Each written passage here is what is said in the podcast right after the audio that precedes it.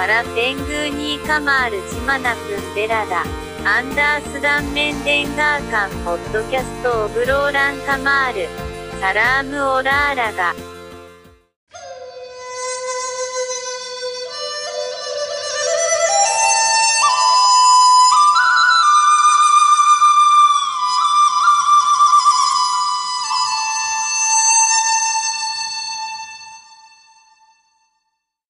Selamat datang di obrolan kamar, obrolan suka-suka dari dalam kamar, membicarakan banyak hal dengan cara sekamar mungkin. Obrolan kamar, obrolan kaum rebahan. Aja. Begitu, Ner. Iya, karena sekarang juga sudah waktunya rebahan memang. Nox lagi di kamar Nox. di kamar di mana lagi? Eh, Boleh keluar rumah. Kita ini mau ngobrol pakai bahasa Indonesia atau bahasa campur-campur nih? Woi, iyo. Campur Jo. Jadi kawan-kawan pendengar, kali ini masih bersama saya Putra Bangsa dan di ujung sana ada Om Putra Tembok. putri bangsa. dan kita saat ini kedatangan tamu jauh lagi. Baik. Siapa ini Tem? Orang Oh. tamu ini. Lebih baik langsung langsung ini aja. Dia peneliti muda harapan bangsa nih. Dan berbahaya. Woi, Silakan perkenalkan diri Om yang ada di seberangnya. Jadi nama saya Nono. Oh no. Bio saya Nono Subampo. Bio saya peneliti dan antropolog muda berbahaya dari timur Indonesia. Oh. woi. Ini Timur Indonesia sebelah mana ini? Manado, no, mau ini lagi Pak. Pokoknya timur Iya. Indonesia. Ya agak ke tengah sedikit. Iya. Indonesia timur Jo Pak mau. Kan orang pe- pendengar ini kan mancanegara, jadi Oke. banyak yang tidak tahu. mau dipanggil apa? Om, Ner atau Kalangan mahasiswa memanggil saya Mer.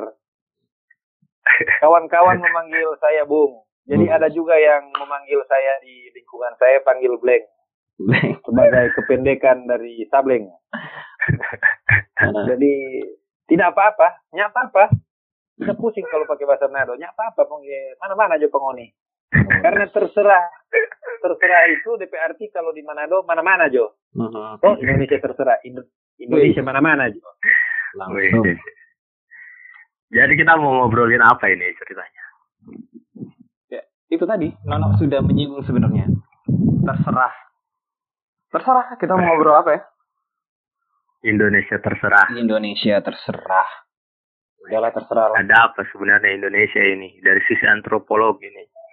Aduh, oh ini lagi Pak. Indonesia ini dari sisi kebudayaan dan etnisitasnya tidak ada. Hmm. Karena tidak ada bahasa Indonesia, yang ada bahasa Melayu. Oke. Oke oke. Ini, ini pembukaannya sudah sangat mencengangkan.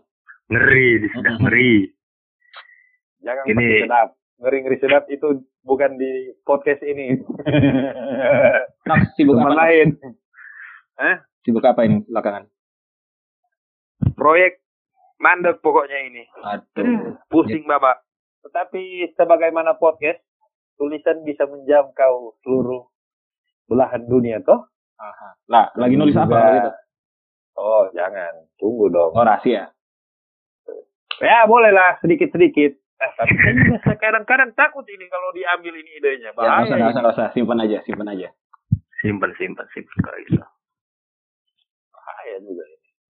Eh. Ya boleh, simpan lah. Iya, Nanti paling kesentil-kesentil dikit. kejutan ya nanti. Kejutan. Tenang. Proyek personal itu aman. Sudah bertanya Jo, masa yang bertanya lagi tuang ampun. Ya, sabar kok. Sabar lagi. Ya begitulah Sampai bintang toh. tamu ini nggak sabar loh. Kau berbahan. Dalam kurun 2-3 bulan ini nggak ke mana-mana? Atau ada? Ya ada juga luar? ke mana-mana. Ada. Ada juga ke mana-mana, jalan-jalan sedikit, gitu. Tetapi sejak Maret dan sejak ada proyek pementasan yang kami inisiasi ini, memang yang mengumpulkan kerumunan harus dipending ya berarti pending semua toh. Pending semua. Tapi orang mesti sadar juga bahwa biar orang susah ini lebih banyak orang yang susah. Betul. Jadi orang ini bukan yang paling susah sebenarnya. Mm-mm. Emang ada ada ada proyek apa yang tertunda? biasa penciptaan performance art berbasis kebudayaan gitu toh. Sekarang sudah ini banting setir. Oh, loh. bukan cuma banting, saya tabu balik. Cari kamus bahasa Melayu Manado Indonesia. Tabu balik itu apa? Pusing mau jelaskan. Eh, Nono ini pernah bikin riset loh dari di masa pandemi. Apa tuh? Siap, Udah. siapkah Manado melawan corona? Hmm. Wis. Itu ris- risetnya kapan? Risetnya Sebenarnya bukan riset. apa Nok? Hmm. Jelaskan. Jelaskan Jo. Mana Jo jelaskan? Ya, pernah jelaskan. baca. Ya jelaskan lalu. Ada penulisnya Masa, langsung. Mana di podcast ini kok bikin lah, yang Oke, ini jelasin. ada tiga, ada berapa orang yang nulis ini ya? Satu, dua, tiga, Empat. empat, empat orang yang nulis ini dari SAT Research and Development. Itu lembaga apa, Nok? SAT Research. lembaga riset Riset, ya? main-main sebenarnya. Orang baking riset. Sebenarnya tempat ngumpul ngopi sebenarnya. Tapi daripada kalau orang Manado bilang BBY itu bingo-bingo yaki. Oh. bingo-bingo yaki. Daripada cuma nongkrong-nongkrong jadi orang baking dia jadi tulisan, orang baking dia jadi riset. Tempat belajar riset sebenarnya. Enak juga riset ini, tapi tempat belajar beriset, mengumpulkan data, serpahan, eh, serpihan remah-remah rumah-rumah data tuh pemulung data huh? baru kita susun olah jadi sebuah hasil kan sebuah analisa atau tulisan Itu di itu risetnya dari kapan? Nah, itu Dibuat cuma kapan? pembacaan pembacaan data lewat data-data statistik dan data sejarah sebenarnya. Deskripsi awal ya, Nok ya? Ah, Yang semacam sejarah. deskripsi awal tetapi ada lebih fokus kan di Manado tuh tetapi juga tarik dari wilayah dari global sampai ke sampai ke Manado no?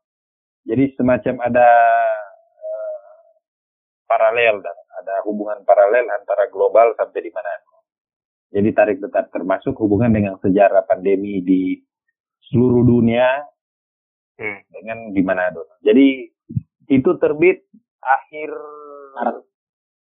Maret. Akhir Maret yang pertama dengan awal awal, awal, April. Ada dua bagian gua itu. Di mana kalau kalau orang mau baca di mana hasil riset? Klik aja di Google kan? Ada Oh, mesin pencari, ada search engine. Aduh, oh Bapak. iya, siap, Ah. siapa tahu kan harus berbayar ke apakah Eh deh. gitu.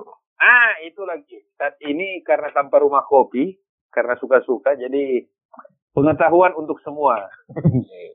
Masuk gratis. ada beberapa poin menarik yang kita lihat di riset itu ya. Em, misalnya nih, data bahwa 43% penduduk Manado itu ada penyakit berhubungan dengan ISPA gitu ya. Oh. Terus perbandingan antara tenaga medis dan penduduk misalnya dokter umum Nakes, tenaga kesehatan. ah, satu banding 411 orang. Nah kalau dibikin secara rinci itu satu dokter spesialis harus merawat 633 orang. Kalau misalnya Hmm, kondisi terburuk terjadi gitu ya. Ya, Kondisi sekarang gimana Nok, di sana? kita kasih umum Joy, Manado ini? DP tenaga kesehatan kalau dia membludak Manado bahkan Indonesia itu nggak siap memang kok hadapi Covid. Kepala batu. Hmm. susah. Jadi kasihan itu tenaga kesehatan. Kasihan juga tuh orang-orang. Memang secara umum eh. Hmm. secara umum jadi kalau berbagi bagi ke klaster-klaster belum tentu juga ada klaster yang tidak siap bisa saja ada klaster yang lebih siap dari klaster-klaster lain atau wilayah atau zonasi zoning-zoning tapi secara umum Indonesia dan bahkan Manado itu memang nggak siap Apa indikatornya yang bisa menilai dia tidak siap? Indikator apa aja? pertama itu indikator eh, data kesehatan kalau di Manado itu itu yang perbandingan yang Temi bilang tadi Hmm. Bayangkan orang keluarkan itu sekitar tanggal akhir Maret. Hmm. kita ingat betul jadi tanggal 30 atau 31 Maret itu artikel keluar. Nanti karantina sebuah karantina wilayah. Karena di bagian awal orang juga bilang soal eh, tren yang terjadi di Indonesia dan zonasi-zonasi berdasarkan satuan geografis. Itu misalnya dari Jakarta Jakarta ke Jawa bagian barat ke Jawa dengan DP migrasi migrasi itu Hmm. itu pemerintah nanti April baru ambil keputusan PSBB pertengahan April. Baru terlambat itu jelas terlambat. For pandemi itu terlambat. Eh, jadi tidak dikunci sejak awal kan persoalan konsekuensi belakangan dengan hukum dengan segala macam kan boleh bikin perpu segala macam. Ada undang-undang boleh tindis dengan perpu. Lambat dan berpikir. Cuma begitu. Sekalipun juga banyak banyak hal yang perlu dipertimbangkan. Tetapi di situasi-situasi sulit atau situasi-situasi pandemik keputusan paling cepat sering kali adalah yang paling cepat itu pertama. Kedua nggak berani pemerintah masuk ke dunia usaha untuk membantu. Setelah sekian lama dunia usaha itu menghisap tuh, mendapat keuntungan dari warga, apa salahnya sekarang mereka membantu warga dengan menyediakan fasilitas, misalnya hotel. Orang ODP dengan yang kena kena kasus sakit per, apa eh, gejala-gejala ringan itu kan belum parah kan, kasih masuk karantina di situ saja, tinggal bikin DP pengaturan berbasis data kan gampang. Kalau alasan Hmm. kesehatan kecil, ini oh, semester-semester tujuh lapang sekolah keperawatan dengan kedokteran kan bisa digunakan. Sekalipun mereka tidak harus di front line. Jadi Hmm. bisa maksimalkan kondisi-kondisi global. Eh, apa kondisi-kondisi dan sumber daya lokal. Baru memang lambat DP respon. Eh, sebagai orang yang Hmm. memprediksi kan, eh mempre, ya memprediksi, eh, mendeskripsikan dan juga membayangkan situasi buruk terjadi kalau tidak ada penanganan bagus. Ini kesimpulan yang kita baca kesimpulan em, semacam ini nih. Lebih baik mencegah daripada mengobati gitu. Kalau di sini kan dibilang eh, perubahan per- perilaku lebih efektif daripada penanganan penanganan medis. Walaupun ya itu di penelitian dibilang peranan tim tenaga medis itu masih penting. Em, apa apa yang anda lihat apa yang di- bisa dipelajari dari sejarah di hari ini misalnya? Orang masyarakat tangguh, kuat. Dia pasti dengan cara eh, sebelak belur apa pun pasti bisa dilewati. Nantinya tetap akan dilewati. tanpa pemerintah sekalipun, tanpa negara sekalipun. Ingat ya, eh, negara juga zaman Belanda tanpa negara Indonesia. Zaman Belanda juga itu India Belanda juga negara itu Hmm. yang atur. Ada pemerintah juga waktu itu. Tetapi kan eh, banyak keterbatasan tuh waktu itu. Tetapi juga dilewati. Indonesia ada kehilangan sekitar 1,5 juta orang di masa pandemi. Saya rasa solidaritas sosial lebih efektif jauh di hari-hari ini daripada langkah-langkah yang diambil pemerintah. Memang betul eh, apa, eh, tenaga kesehatan itu penting, tetapi kalau tenaga kesehatan penting dan bekerja keras, tapi DP kebijakan juga yang tidak efektif, terlalu banyak menitik beratkan misalnya kepada gerak ekonomi daripada gerak masyarakat, gerak hidup lah, gerak manusia daripada gerak. No yang segerakan ekonomi itu masyarakat. Kita percaya pemerintahan sistem itu kok DP fungsi sebenarnya sederhana, mempermudah, mempermudah, mem- memudahkan apa, mengorganisir segala sesuatu negara atau warga yang lebih besar, yang semakin kompleks. Tetapi tanpa sistem itu pun, yang kompleks itu orang akan beradaptasi. Misalnya, orang tahu bahwa kampung-kampung itu melakukan protokol lockdown sendiri Hmm. Di kampung mana pun di satu Indonesia ini. Sekalipun itu mungkin karena banjir informasi, lebih karena banjir informasi. Tetapi itu kan orang cara melindungi dong diri berdasarkan pengetahuan yang dapat. Orang juga tidak bisa bilang bahwa apa warga itu tidak punya pengetahuan. Maksudnya, maksudnya otoritas pengetahuan dan kebijakan itu cuma ada di tangan pemerintah. Warga punya otoritas itu. Setidaknya di dalam zonanya, di dalam ruang geraknya yang dia kuasai. lah. Misalnya di kampung atau lingkungan tentu itu. Dan mereka melakukannya sejak dulu. Bahkan sejak dulu kalau orang belajar di sejarah, orang mencari obatnya sendiri. Hmm. Yang juga ditulis di artikel itu. Itu risetnya risetnya dibuat berapa lama?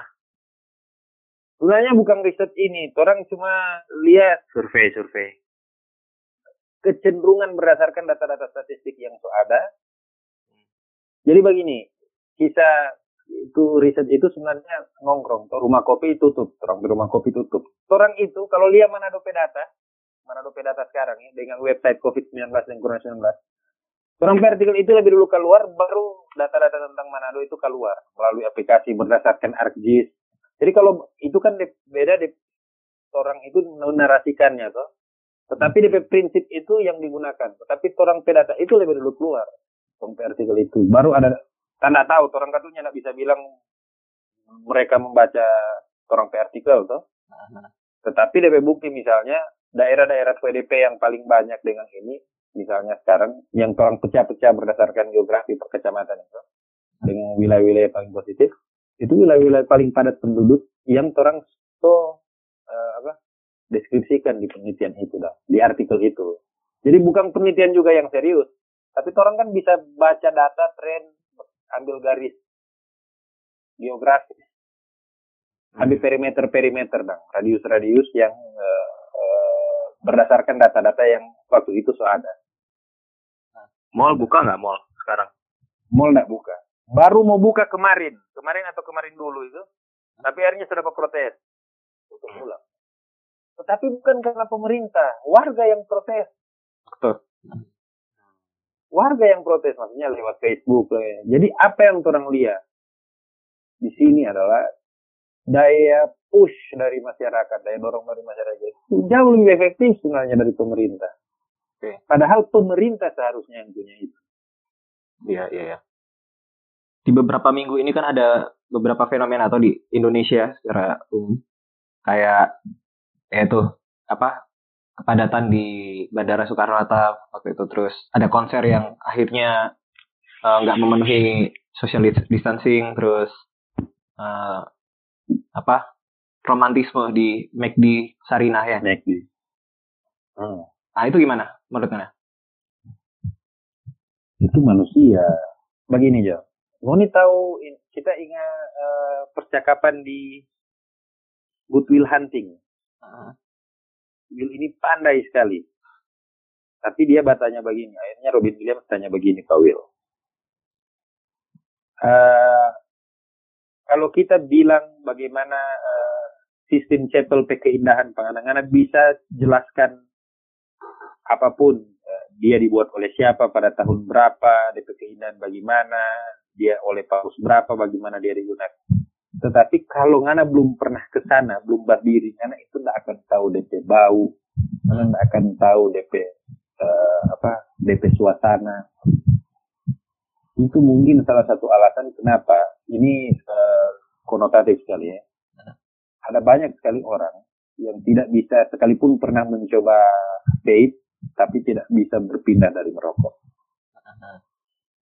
Atau membaca buku, tetap suka baca buku kertas.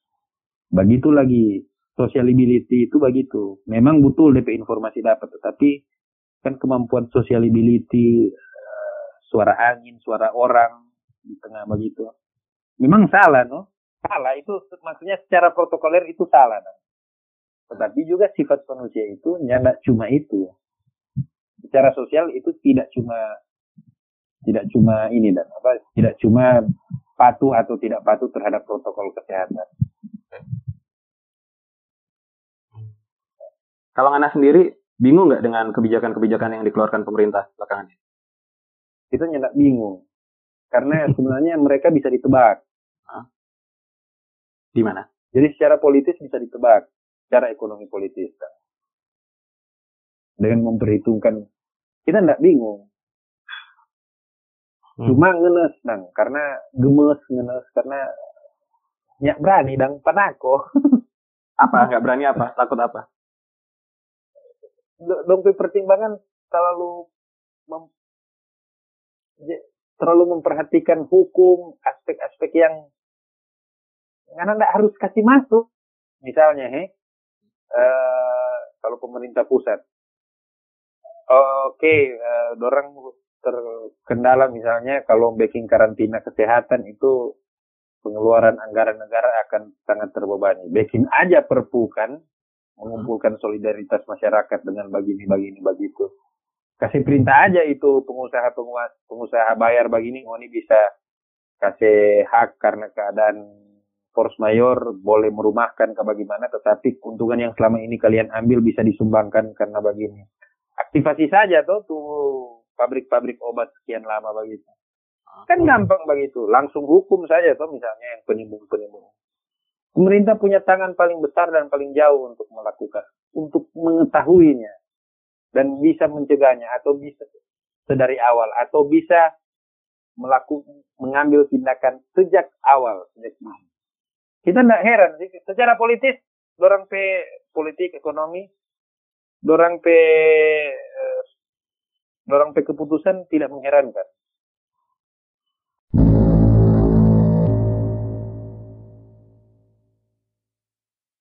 Kalau kalau di dalam catatan sejarah sendiri di Manado khususnya ada nggak catatan sejarah sebelumnya soal pandemi? Dan Ada. seperti apa bentuknya? Ada. Flu Spanyol itu Spanish flu yang dikenal sebagai flu paling H1N1 itu pernah Hmm. masuk Manado, Pak. Sulawesi Utara. Nah, ada ada nggak catatannya gimana pemerintah saat Ada. itu? Nah, di Bolmong itu apa? di di Bolmong itu Bolmong Gorontalo itu itu sampai satu berbanding 12. Jadi ada satu kematian eh, di tiap 12 orang ada satu kematian karena flu Spanyol. Di beberapa kampung. Nah, di Manado ketika itu juga masuk di awal tahun 19 itu ada ada wabah kolera, Hmm. ada wabah malaria. Kok sampai DP orang yang nggak pernah lewat 100 ribu. Jadi ribuan lebih banyak. Maksudnya ribuan yang mati? Iya, ribuan. Ribuan. Jadi populasi waktu itu kan 100 ribu. Toh. Hmm. Jadi selalu ada depopulasi dah. Karena wabah itu. Jadi di dalam 50 tahun itu nggak pernah sampai 100 ribu ulang. Jadi Hmm. 100 ribu turun lagi jadi 80 ribu. 100 Karena ribu itu semua. apa? Sulawesi Utara atau Manado? Minahasa. Ah, Minahasa banding itu dari mana-mana. Minahasa. Minahasa itu dulu di mana-mana. Eh, yang sekarang jadi kabupaten eh, Minahasa, Minahasa Utara. Jadi sekarang mencakup tujuh kabupaten kota di wilayah eh, Sulawesi Utara. Tuh. Di luar Bolmong ya itu, nak. Di luar Bolmong. Di luar Bolmong dan di luar Sangir. Itu ada tujuh kabupaten kota. Itu berbanding ribuan meninggal. Malaria. Tapi kan warga juga cari ini tuh. Sekalipun ada persoalan banyak dan persoalan sanitasi dengan segala macam. Nah malaria itu jadi epidemi. Hmm. Jadi endemik di sini kon jadi epidemi. Bang. Di wilayah Indonesia. Sampai tahun 90-an. Itu di data itu, di penelitian itu. Jadi pengalaman-pengalaman menghadapi itu. Dan ada penjelasan-penjelasan bagaimana perubahan struktur lingkungan ekologi itu juga memacu, memicu adanya timbulnya penyakit-penyakit tersebut. Jadi Indonesia di sejarah umat manusia ya, sekalipun eh, orang ini betul ini sangat berat dan tapi di sejarah umat manusia orang tua orang tua yang bahkan belum terlalu jauh misalnya Aceh influenza ada tahun 1950-an eh, mengalami hal ini. Kita kecil mengalami waktu itu orang masih kecil mengalami malaria, demam berdarah dan eh, di masa-masa tertentu eh, demam berdarah banyak meninggal. Ada ada musim lagi sampai sekarang. Hmm. Nah, Nah, kalau itu pernah jadi endemi. Nah, prinsip endemi dengan pandemi kan sama aja sebenarnya. Cuma di Hmm. cakupan wilayah ya. Betul, betul, betul. Berbeda. Nah, gi- gimana respon pemerintah pada waktu itu juga? Apa apa apa sama kayak seperti sekarang atau kayak gimana? Nah, Muni tahu nggak? Obat yang dipakai untuk penanganan sekarang adalah obat yang sama di prinsip dipakai di masa itu. Quininin, chloroquine. Obat Oh, malaria, pilkina. yang juga digunakan sekarang. Itu abad 8 eh, abad 19 dan dibagikan gratis. Artinya? Di- dia Artinya apa? Artinya? di- artinya memang oh, nyana kreatif begitu begitu jadi hidup jadi karena sebenarnya kalau belajar dari sejarah karena boleh duga ini memang Hmm. cuma begini lah memang yang ada. Dan DP penanganan juga sama sebenarnya. Betul, betul, betul. Iya, itu, juga itu juga ke konfirm sih sebenarnya waktu lalu. Kita dang pernah pernah sempat ngobrol juga tuh yang yang sekarang dijadiin film juga. Sa- salah satu narasumber itu dia sebelumnya meneliti soal eh apa? Pes ya pes wabah pes di Hindia Belanda. Hmm. Pes Hindia Belanda Ah, dia meneliti pes di Hindia Belanda. Waktu itu daerah penelitiannya itu di Malang. Malang. salah. malam Oh, betul. Karena kan yang sana yang jadi- si ini si siapa namanya? Lupa dari UI itu dia. iya iya bahas. Dan ya eh, dan ya memang apa pemerintah sekarang sama bentuknya kayak pemerintah zaman dahulu. ini apa benar cuma ada bikin bikingnya enggak Iya maksudnya eh, apa ya? Ya yang yang nggak heran justru sekarang jadi ada fenomena Indonesia terserah. Indonesia apa Indonesia bodoh amat kah? Karena ya mana-mana Jo iya ken- kena, kenapa kira-kira Om Nono bi- bis- bisa nggak Om Nono menjelaskan kenapa pemerintah tidak mau belajar dari masa lalunya? Memang orang pe intensitas berpemerintah itu berdemokrasi dan itu. Jadi segala sesuatu jadi memang segala sesuatu itu atur politik dan jadi nyak proporsional. Jadi sega, selesai pemilihan kap pemerintahan itu bawa lagi politik. Segala sesuatu dari perhitungan dan politik hitam putih anggaran politik keuangan gitu.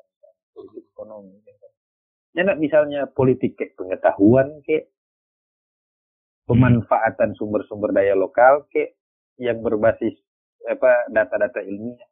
Hanya karena misalnya DP data sekian persen belum tentu juga DP kadar ilmiah bagus toh.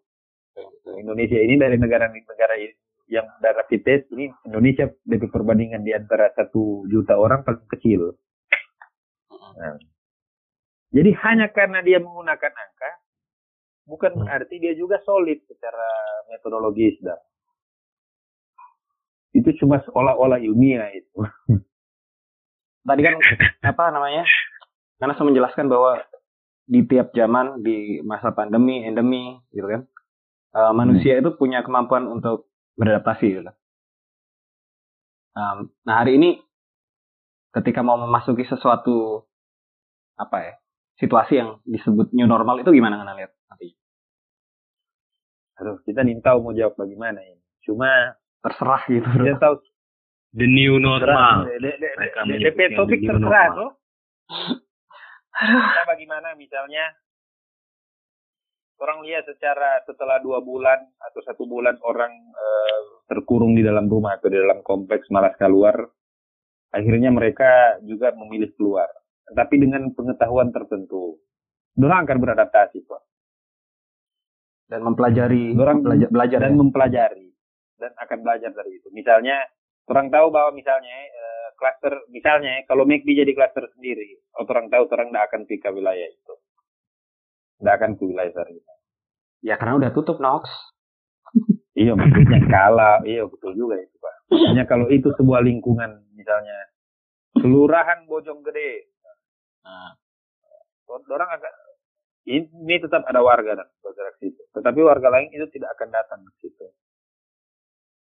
Tapi di Jakarta sendiri walaupun banyak titik merah, termasuk anak kompleks sekarang, anak tempat tinggal sekarang ini termasuk titik merah. Tapi ya, ya nggak tahu juga ya maksudnya apa kemudian memang manusia dipaksa untuk eh, menyesuaikan dengan kondisinya atau? Karena kelihatannya ya, ya udah akhirnya orang-orang juga ke sana kemari ke sana kemari. Sekarang Jakarta udah macet lagi. Jakarta kok agak berbeda ya dengan wilayah lain. Jakarta itu coba tanam rumput di mana Jakarta itu? Tanam tumbuhan di mana? Formakan. Eh, Nyana ada Bogor mati Jakarta itu. Iya iya iya betul betul. Maksudnya nya ada wilayah-wilayah penyangga. Betul betul. Jakarta itu sama dengan Singapura. Singapura itu so bagus-bagus tuh. Salah satu negara dengan basis eh, apa eh, pengelolaan eh, COVID-19 paling canggih jago memang mutakhir memang segala peta lepas kasih kelonggaran sedikit coba lihatnya langsung 20 ribu langsung paling tinggi di Asia Tenggara sudah tiba-tiba naik. Hmm. karena memang dia nggak bisa apa nggak Singapura nggak bisa hidup kalau di di atas dirinya sendiri Jakarta nggak bisa hidup kalau cuma mengandalkan dirinya sendiri. Yang paling rentan memang kota-kota semacam sejenis Jakarta. Hmm. Jadi, Jadi mesti ada pengaturan yang lebih no. ini. Nah, sementara hmm. pemerintah tidak menyiapkan hal-hal tersebut sampai ke depan rumah warga. Eh kalau di, dari sejarah itu eh, karantina atau social distancing di, sudah dipakai zaman dulu. So di so dipakai. Ibnu Sina so pakai. Okay. Itu Ibnu Sina yang karantina ini kan istilah leset dari Arab. Eh apa dari Ibnu Sina kok. Bapak kedokteran modern Indonesia di dunia. Sudah, karena so, saudara zaman dulu karantina. Di waktu zaman PES pun di Malang juga karantina. Iya, Malang karantina juga. Uh, pemerintah setempat mengkarantina. Bahkan ada ada satu desa yang memang dibakar habis katanya. Jadi Malang itu kalau nggak salah, orang sampai bikin pusat studi PES tuh ke apa? Hmm. Rupa eh, apa laboratorium. Kan?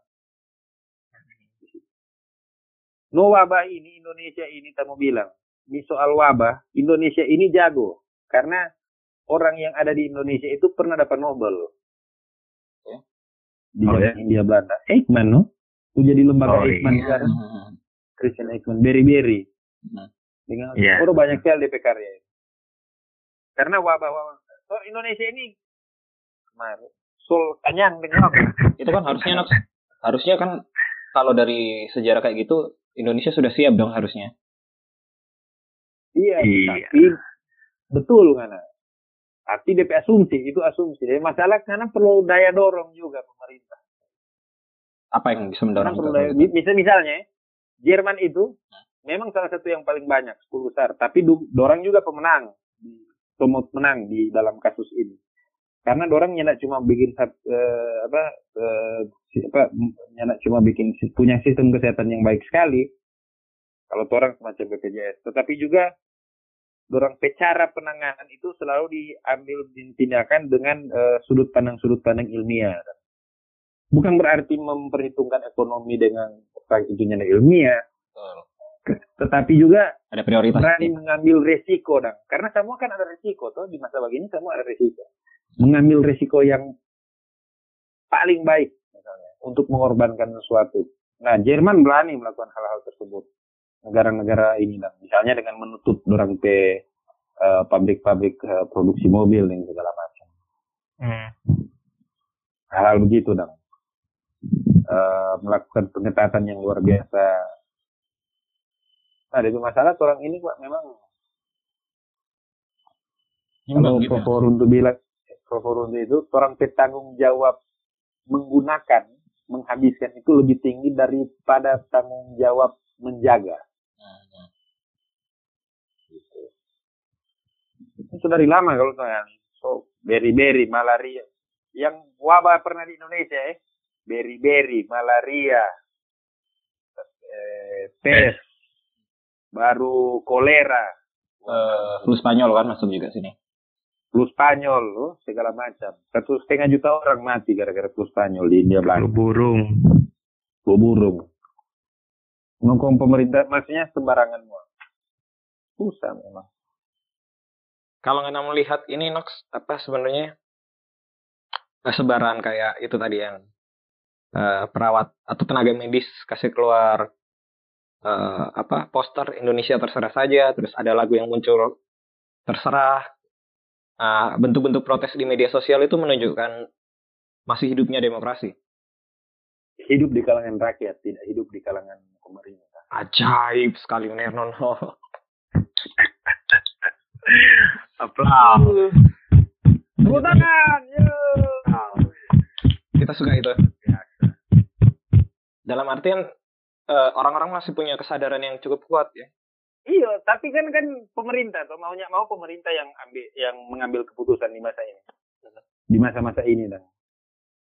Jadi begini, pemerintah ada pemerintah di masa ini kita lain kali jangan pikir nakal. Ini anak nakal juga sih sebenarnya. Fakta sejarah bisa ada pemerintah dengan ada pemerintahnya kayaknya sama aja deh ini. Begitu nanti kira-kira. Malah mungkin ada pemerintah lebih baik. Naks, naks. Kalau orang secara penanganan begini. Naks Aplaus lagi.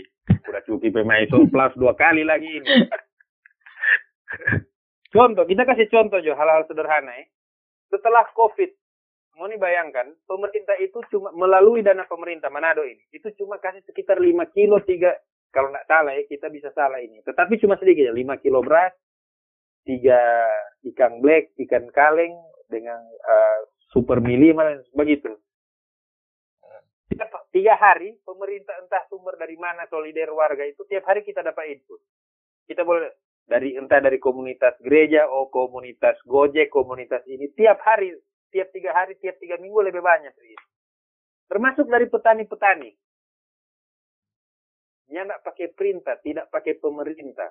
Cuma ada orang tahu ada keadaan darurat. Termasuk sayur-sayur ini yang didistribusikan misalnya melalui lembaga-lembaga keagamaan atau melalui dompet teman-teman lauk pauk.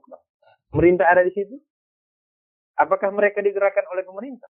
Karena oh. makan super mie juga tiap hari mati juga karena perut sakingan, Pak. Coronanya anda tipes iyo. iyo, memang coronanya anda tipes iyo, mai. Mati kan abang. Ah, Nox, Nox. Eh, Mer ah. Kalau dari sebaran ini ya, uh, dari poster-poster yang dibuat itu, penolakan misalnya ada ada eh penolakan itu kayak gini kan? Indonesia terserah saja Indonesia terserah gitu. Menurut Ngana dalam situasi kayak gini masuk akal nggak menyerahkan segala sesuatunya pada pemerintah? Terserah pemerintah deh gitu. DP logika pak bagi ini. Terserah. Itu DP protes. Demokrasi berlangsung di masyarakat dengan cara di, di uh, protes dari dunia kedokteran dan segala macam itu berlangsung tanda tahu dia sampai bagaimana di warga apa di pemerintah pusat daerah itu makanya kita mengambil orang mengambil kesimpulan kita mengambil kesimpulan tadi demokrasi jadi di masyarakat uh-huh. tapi di apa di pemerintah ya demokrasi ya, begitu tuh demokrasi yang orang anggap no? Jadi protes itu sederhana kok sebenarnya kalau kita. Ya terserah pemerintah mau backing apa. Toh orang juga yang akhirnya memutuskan orang ke hidup. Toh mau jadi apa. Bukan pemerintah lagi. Memang orang. Kalau nggak tanya kita jadi rakyat biasa, kita tidak percaya pemerintah. Yang kita percaya itu orang-orang yang mungkin ada di dalam pemerintah. Tetapi sebagai personal. Luar biasa. Jadi sudah sudah benar terserah mereka kita. Kita akan survive. Gitu. Jadi terserah aja. Mar, orang mau bikin apa, orang kan mau survive juga. Di masa-masa perang dunia, orang menganggap pemerintahnya ada karena ada kalau orang baca buku sejarah di beberapa wilayah setelah Hindia Belanda ada Jepang, ada Makalai, dia bergeser karena hilang, misalnya ada kekuatan, ada Jepang, di beberapa Jepang kekuatannya tidak sampai, tidak ada pemerintah. Orang hidup tetap sekarang. Dengan keadaan ada pandemi, dengan keadaan ada perang. Nah, lagi berak ini? Yo, Mas, jangan bilang. Barang bawa plung-plung pantas ini sebobo ini. Kita optimis dalam arti ini. Kita optimis Indonesia sebagai rakyat.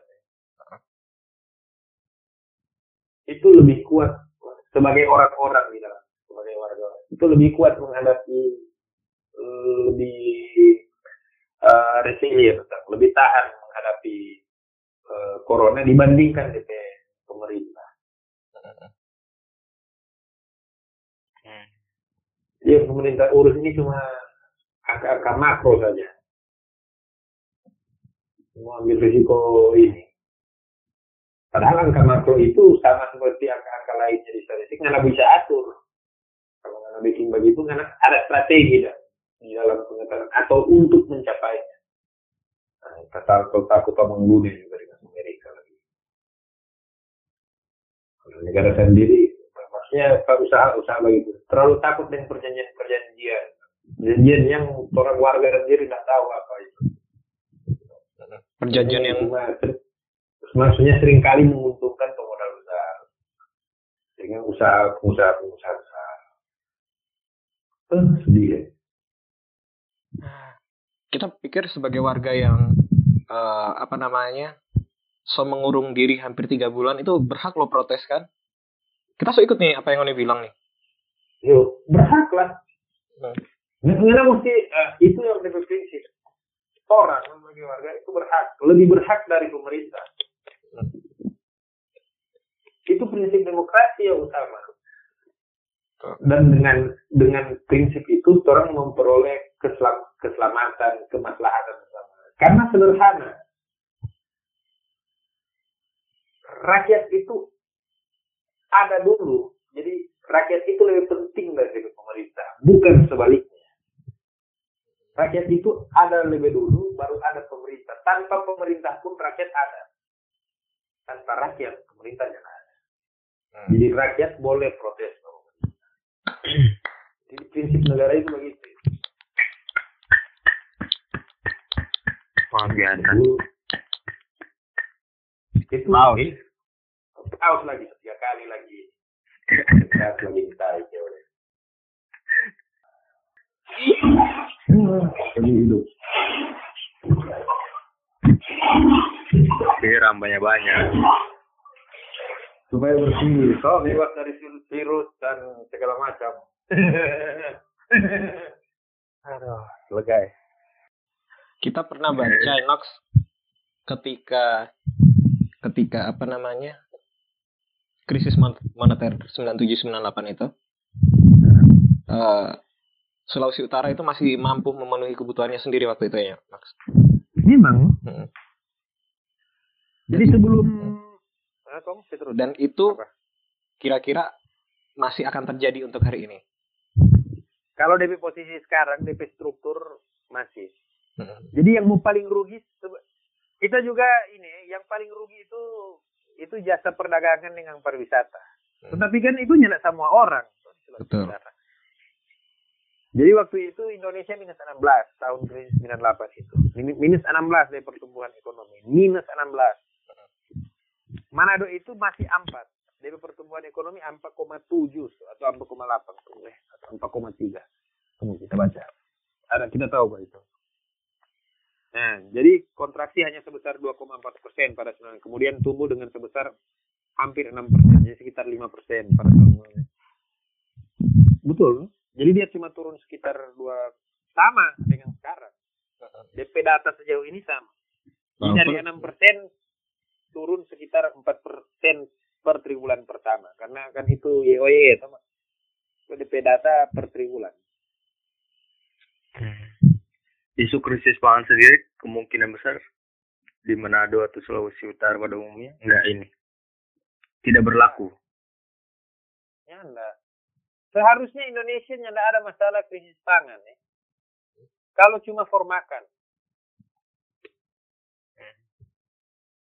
ada. Kalau cuma formakan enggak, kita rasa enggak. Hampir enggak mungkin. Tetapi DP masalah adalah manajemen kebencanaan pendistribusian yang aman, yang mengikuti protokol, yang mencukupi pengamanan yang tepat di dalam halal begitu. Begitu sebenarnya lebih masalah, terutama di kota-kota ya. Karena misalnya yang orang lebih cerita tadi, yang pernah bilang, eh tetap sama aja kan DP solidaritas itu banyak petani yang melalui agen-agen keagamaan gereja dan segala macam itu cuma kasih cuma kasih begitu dompet hasil hasil tani for bantuan covid.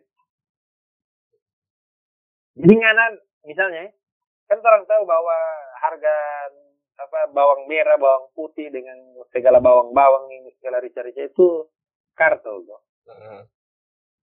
jadi akhirnya jadi mahal di pasaran sama dengan hand sanitizer dengan apa atau masker lah waktu di zaman awal-awal itu. Tetapi solidaritas sosial itu tetap ada pada orang. Jadi orang kasih sampai bawang buat orang kasih dari petani-petani di kebun itu gratis. Dari prinsip ini, kalau orang bakal kasih sesuatu itu karena surplus, bukan karena kurang. Oke, okay, ada juga yang lagi defisit. Ada ada juga ini topik yang lagi sempat jadi pembicaraan tuh. Mungkin sampai hari ini juga.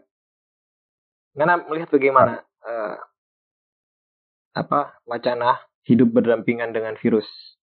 Peace man sama virus. Mana-mana aja pada orang tuh. Memang orang banyak mampu, Pak. Maksudnya orang tak mau rugi. Ah, karena itu tuh mana bilang Jadi orang karena misalnya yang orang baca ya?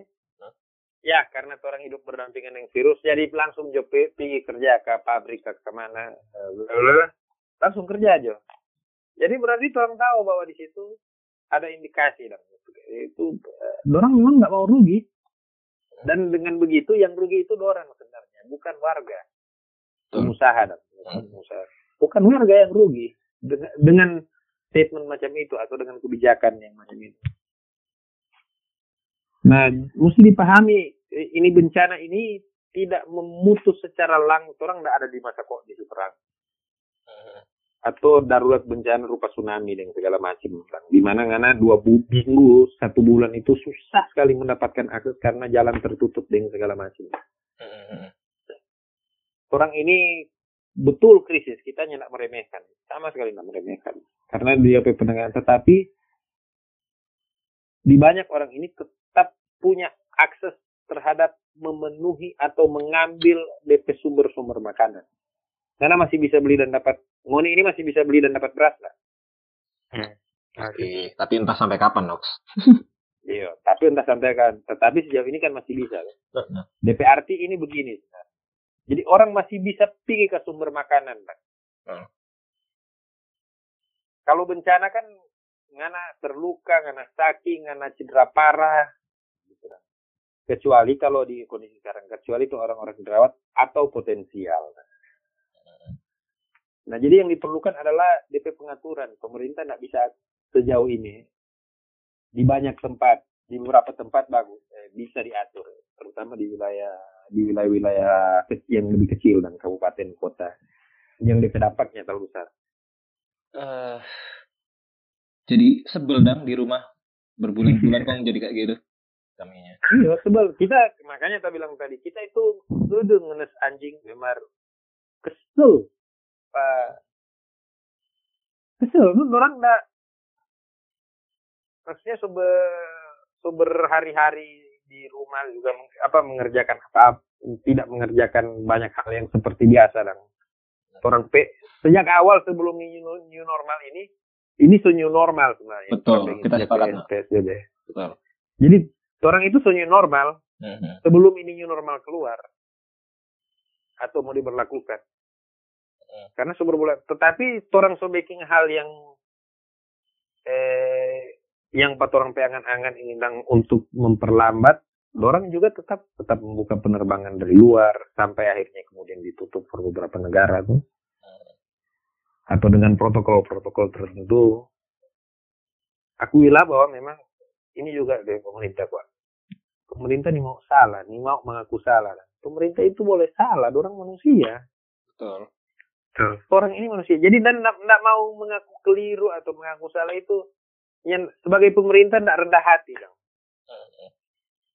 Sebagai orang di dalam pemerintahan mengolok-olok sejak awal corona di bulan-bulan Februari itu, Mhm. padahal sudah diperingatkan. Di kasus-kasus pertama masih pusing dengan bagaimana DP cara ini minum jahe dengan segala macam. Wah ngalah. Ya kunci Joto Jakarta cuma ada segala macam dengan kunci itu penerbangan. Presiden kan sempat undang pakar-pakar eh, dalam artian ilmuwan segala macam ya. Dia undang, bukan dia backing. Coba bedakan yang undang. Bedakan undang dengan backing. Tapi Akan jadi jadi jadi ini nggak sih? Jadi ironis nggak sih ketika ya banyak banyak banyak warga yang juga kesel, banyak warga yang yang merasa eh, ya ingin protes, tapi pada akhirnya kita nggak bisa bikin apa-apa gitu. Ya, salah satu DP backing. Backing itu kan yang begini. Mall itu di- ditutup bukan karena pemerintah loh, karena protes sedemikian riuhnya warga Manado satu hari sebelum pembukaan mall. Beberapa hari, dua atau tiga hari sebelum pembukaan mall. Protes di Facebook, oh kacau people. Akhirnya mallnya jadi buka sampai sekarang. Dan bagus. Siapa itu? Yang ada pemerintah di dalam. Jadi tekanan media sosial itu masih sangat berpengaruh sampai hari ini ya. itu demokrasi, itu rakyat, bukan pemerintah. Ada unsur orang yang kerja di pemerintahan mungkin betul, tetapi itu rakyat. Saya berlaku sebagai rakyat. Kong pemerintah kasih salam manusia orang-orang. Betul. Oh ini orang Indonesia. Ironis tuh.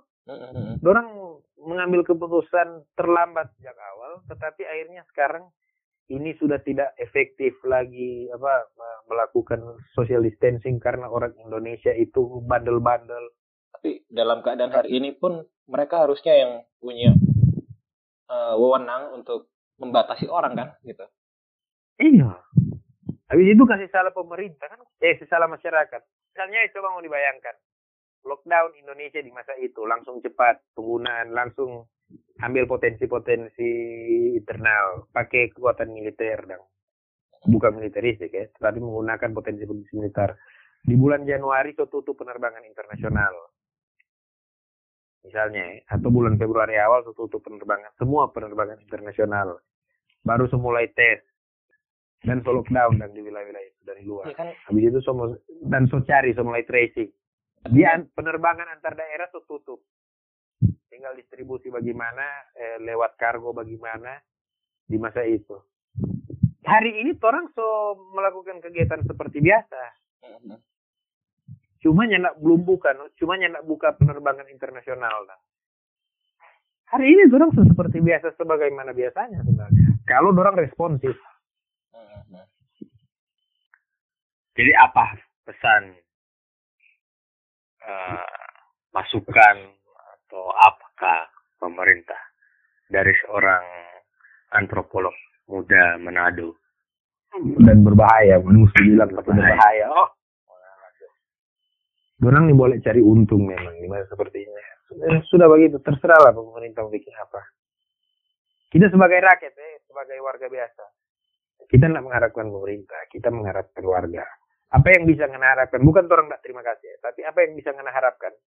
Dari bantuan sekian miliar yang dibagi ke sekitar lima ratusan ribu orang di dalam enam bulan atau misalnya dalam satu bulan jadi ditetapkan masa-masa genting atau apa pun ada istilah atau masa isolasi karantina dan bantuan-bantuan covid kok nggak benar-benar memperhatikan tenaga kesehatan nah. menciptakan lingkungan eh bukan cuma melihat tenaga kesehatan hmm. lingkungan yang kondusif untuk mereka bekerja bukan itu bukan cuma soal tempat tidur hotel mana yang disediakan atau penginapan mana yang disediakan pemerintah untuk mereka tetapi memastikan bahwa orang keluarga aman, orang kesehatan aman, kesehatan orang lingkungan aman, protokol kesehatannya terjalankan, dia physical distancing terjalankan begitu dong. Tidak ada perundungan terhadap mereka yang bekerja di front line.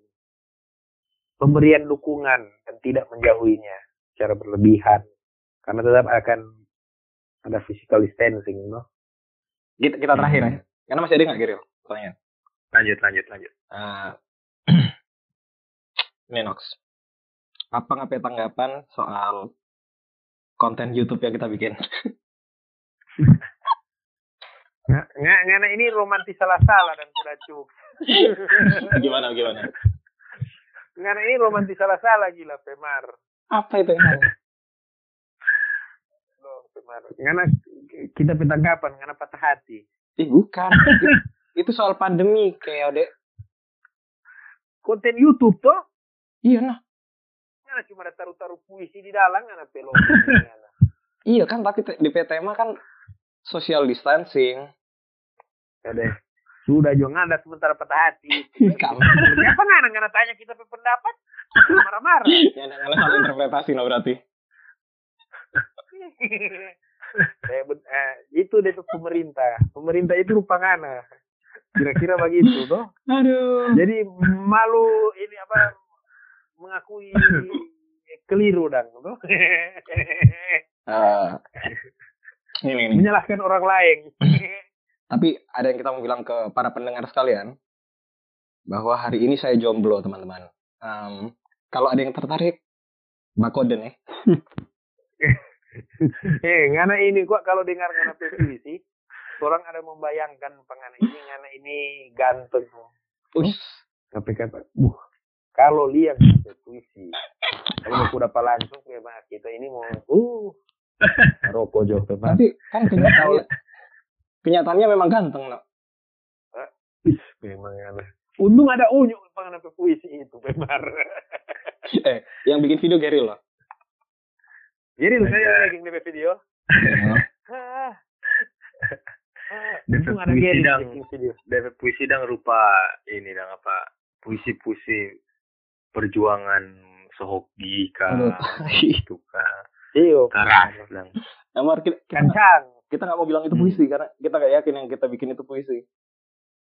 Kita udah membayangkan pengana dan kalau kita membayangkan tapi dari cewek, kita membayangkan pengana itu Nikola Saputra kalau ngana Iya. baca ngana puisi. sajak-sajak Abi. perjuangan dang Waduh, memang kalau Kan- terutama kudapan. Di, di dunia kan di dunia kan ada tujuh kembaran. Tiap orang punya tujuh kembaran kan katanya. Mungkin mulai Nicholas Saputra terkait kembaran salah satu. Ya Tuhan. ini ya pokoknya salah itu tahu lah Mai salah itu gitu. salah interpretasi karena itu Nah, karena topiknya terserah ya terserah nah. mana pak Nenek, susah juga close dang Terus juga gitu. Bantar kita yang close ya, pengali. Weh, Nana mau closing, Nana silakan Nana, closing. oh silahkan kan terserah Jadi pemirsa sekalian, karena host podcast kita adalah Geril dan Temi, maka saya mengambil alih. Karena terserah toh. Heeh. Jadi terimalah persembahan dari kami bertiga sebagai jurnalis-jurnalis muda dan eh, antropolog-antropolog muda, muda unyu-unyu dan berbahaya. Selamat menunaikan ibadah puasa dan merdeka. Merdeka di dalam diri masing-masing. Semangat juga untuk para perawat yang sudah sempat kecewa. Ayo, Kalian tidak sendirian. kita kita juga mau bilang itu. For tenaga kesehatan dan yang bekerja di front line, bukan cuma tenaga kesehatan lagi ya. Karena ada beberapa orang yang bekerja di front line di bidang itu, misalnya kebersihan dan segala macam. Iya. Gizi, ahli gizi dengan Ngoni hebat, Ngoni kuat. Ngoni bahkan sering kali lebih kuat dari pemerintah itu sendiri. Eh, orang bersolidar dengan Ngoni dan eh, ya terserah pemerintah, tapi Ngoni pekerja dan usaha, orang kerja sama-sama lah, solidar. Solidar buat kalian, Bung. Bakuat cinta. Mengalah. Kuat cinta. Power of love. kuat Power of love. Bakuat cinta. Ya, oke okay, teman-teman, uh, kita sampai jumpa di episode berikutnya uh, di podcast kamar. Obrolan kaum rebahan. Yeah. Ciao. Ciao Bella.